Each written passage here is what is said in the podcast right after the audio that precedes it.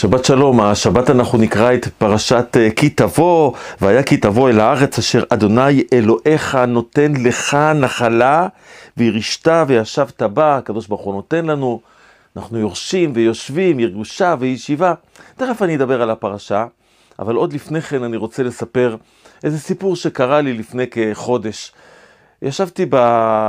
באוניברסיטה העברית, במה שנקרא הספרייה הלאומית בגבעת רם בירושלים, ישבתי בקפיטריה, אה, חיכיתי לפגישה עם מישהו, מישהו יושב לידי, שולחן ליד, אה, אני לא מכיר אותו, אה, הוא מסתכל אליי, אומר לי, מיכאל בן ארי?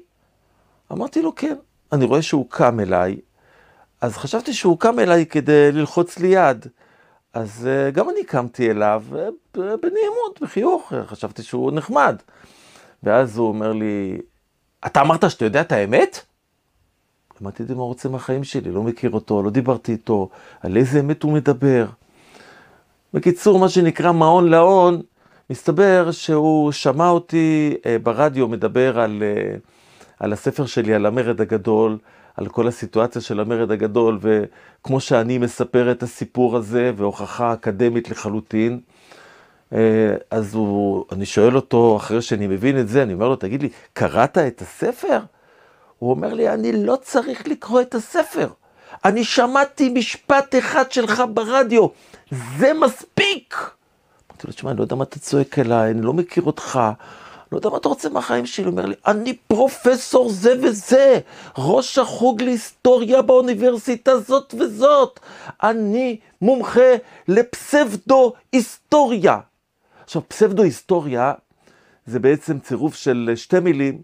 פסבדו זה כאילו, זה בדיה, זה שקר, זה לא אמיתי, היסטוריה. זאת אומרת, ההיסטוריה היא פסבדו, ההיסטוריה היא שקר.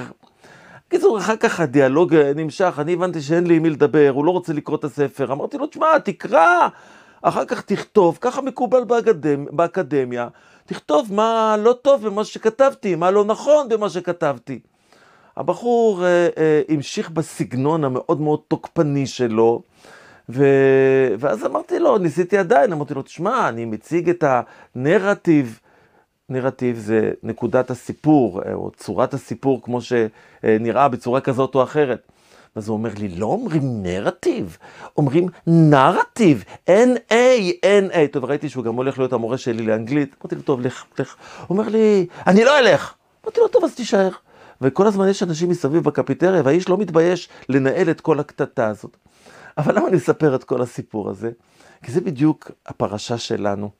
בפרשה שלנו אנחנו מתחילים בנושא שנקרא הבאת ביקורים, או אם אנחנו הולכים אל העיקר, למה שנקרא מקרא ביקורים. ואני רוצה לקרוא את הפסוקים בפנים, כי הם פסוקים גם יפים, גם חשובים ומשמעותיים ביותר. הם משמעותיים ברמה הקיומית שלנו.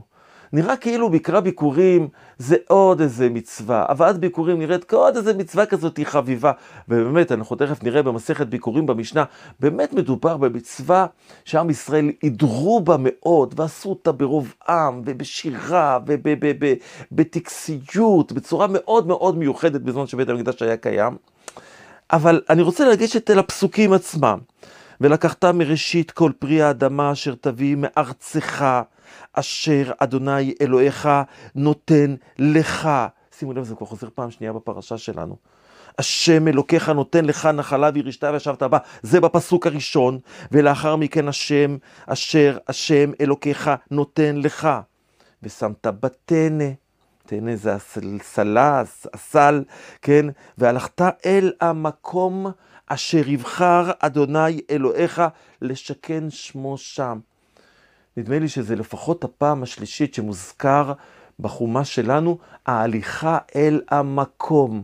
המקום זה כמובן המקום הנבחר, המקום שהקדוש ברוך הוא בחר, המקום שבו, רק בו מותר לזבוח זבחים. המקום שבו אנחנו, אם יש לנו שאלה הלכתית בנושאים חשובים ומשמעותיים, השאלה שאפשר לפתור במקום, וקמת ועלית על המקום ושאלת שם את הכוהנים, הלוויים, שם הם הפוסקים, הם אומר, יש לעם ישראל מרכז, יש מקום שבו מוכרעים העניינים החשובים, מה שהופך אותנו לקבוצה אחת. אם יש שני מרכזים שבהם יש מערכת משפט, אז מערכת משפט אחת יכולה לומר כך, ומערכת משפט אחרת יכולה לומר אחרת. אז יש מערכת משפט אחת, ואותו דבר בעניין של הקרבת קורבנות. וכאן השאלה היא, מה הסיפור פה? אז תכף נראה, הסיפור הוא הסיפור.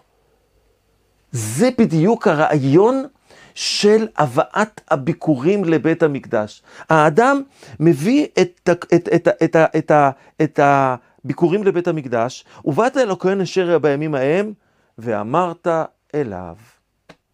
אתה מתחיל לדבר. הגדתי היום לאדוני אלוהיך, כי באתי אל הארץ אשר נשבע אדוני לאבותינו לתת לנו. האדם עצמו מספר. הקדוש ברוך הוא הבטיח לנו, הבטיח לאברהם, יצחק ויעקב, הבטיח להם את הארץ הזאת, אז הנה, זה קרה, זה אירע, הגענו, כי באתי, איך נאמר כאן, אני רוצה לקרוא את הדברים בצורה אה, מדויקת, כי באתי אל הארץ אשר נשבע אדוני לאבותינו לתת לנו. ולקח הכהן נתנה מידיך, והניחו, ואז וענית ואמרת. ממשיכים את הסיפור. וואי וואי, עכשיו הסיפור הוא כבר הרבה יותר ארוך. הוא מתחיל בארמי עובד אבי, וירד מצרימה. טוב, יש פה פרשנויות שונות, מכל, אנחנו יודעים שזה בעצם, כל הגדה של פסח בנויה על הפסוקים האלה. כל ההיגד שלנו, שאנחנו יושבים עם הילדים שלנו בליל הסדר, ואומרים לנו, תשמעו ילדים, זה הסיפור שלנו. זה הסיפור של עם ישראל? זה כאן. זה כאן, ארמי עובד אבי וירד מצרימה ויגור שם במתי מעט, ויהי שם לגוי גדול עצום ורב, כן, התרבנו במצרים מאוד, שישים ריבו, שישה בכרס אחת אומר המדרש, כן? ויראו אותנו המצרים ויענונו. אוי, כמה שהיינו אומללים, כמה שהיינו נרדפים, ויתנו עלינו עבודה קשה. ונצעק אל אדוני אלוהינו וישמענו את קולנו וירא את עוניינו ואת עמלנו ואת לחצנו. הקדוש ברוך הוא שמע את התפילה שלנו. ויוציאנו אדוני ממצרים ביד חזקה ובזרוע נטויה ובמורה גדול ובאותות ובמופתים. והביאנו אל המקום הזה. מה זה המקום הזה? הביא אותנו אל ארץ ישראל. וייתן לנו את הארץ הזאת, ארץ זבת חלב ודבש. אומר האדם שמביא את הביקורים, את כל הסיפור שלנו, מהרמי עובד אבי ועד מצרים, והזעקה להשם בעל עבודת הפרך שעם ישראל עובדים שם, ואומר הנה הבאת אותנו לכאן, ומה ההוכחה? ועתה הנה הבאתי את ראשית פרי האדמה אשר נתת לי אדוני, והנחתו לפני אדוני אלוהיך, והשתחווית לפני אדוני אלוהיך, ושמחת בכל הטוב אשר נתן לך אדוני אליך ולביתך, אתה והלוי והגר אשר בקרבך. אני חוזר אל, ה, אל, ה, אל הסיפור. הסיפור הוא בעצם הסיפור שלנו. אנחנו באים עם הביקורים לבית המקדש, עם ההוכחה לכך שהקדוש ברוך הוא נתן לנו את הארץ. הנה, מאיפה הפירות האלה? הפירות האלה מארץ אשר נתת לנו. וזה בעצם הפינאלה של הבטחת השם, של קיום דבר השם ביד עבדיו הנביאים, קיום דבר השם לאבותינו אברהם, יצחק ויעקב, לזרעך נתתי את הארץ הזאת. אתם יודעים, יש משהו מאוד מיוחד במקרא ביקורים. זה אחד מהדברים שאי אפשר להגיד בכל לשון. יש דברים שאני יכול להגיד בשפה שאני מבין. אם אני דובר ספרדית, אני אגיד את זה בספרדית, אני דובר צרפתית, אני אגיד את זה בצרפתית. בצרפתית. כאן חייב להיות בלשון הקודש. למה? למה שאני לא אספר את הסיפור בפורטוגזית? למה שאני לא אספר את הסיפור בכל שפה אחרת? הסיבה היא מאוד פשוטה.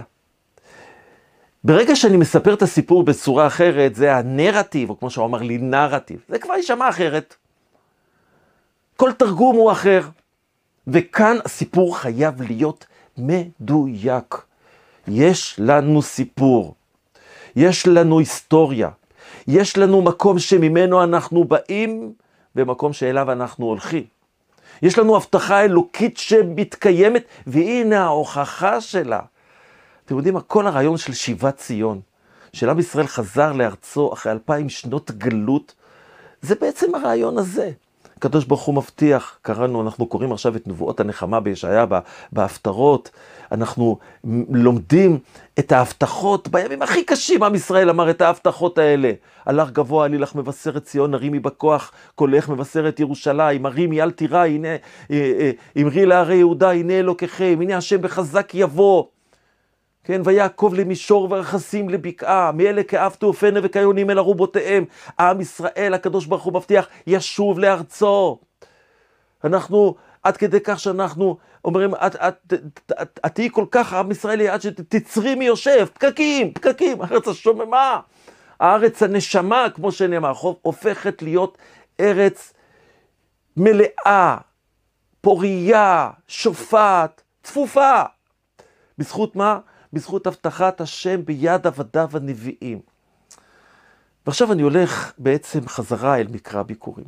מקרא ביקורים זה הסיפור שלנו.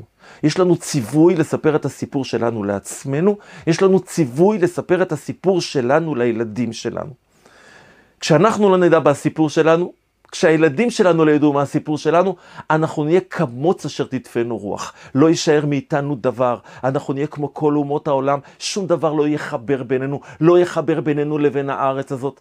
עכשיו אתם מבינים למה שאשא ביטון ביטלה את לימודי ההיסטוריה?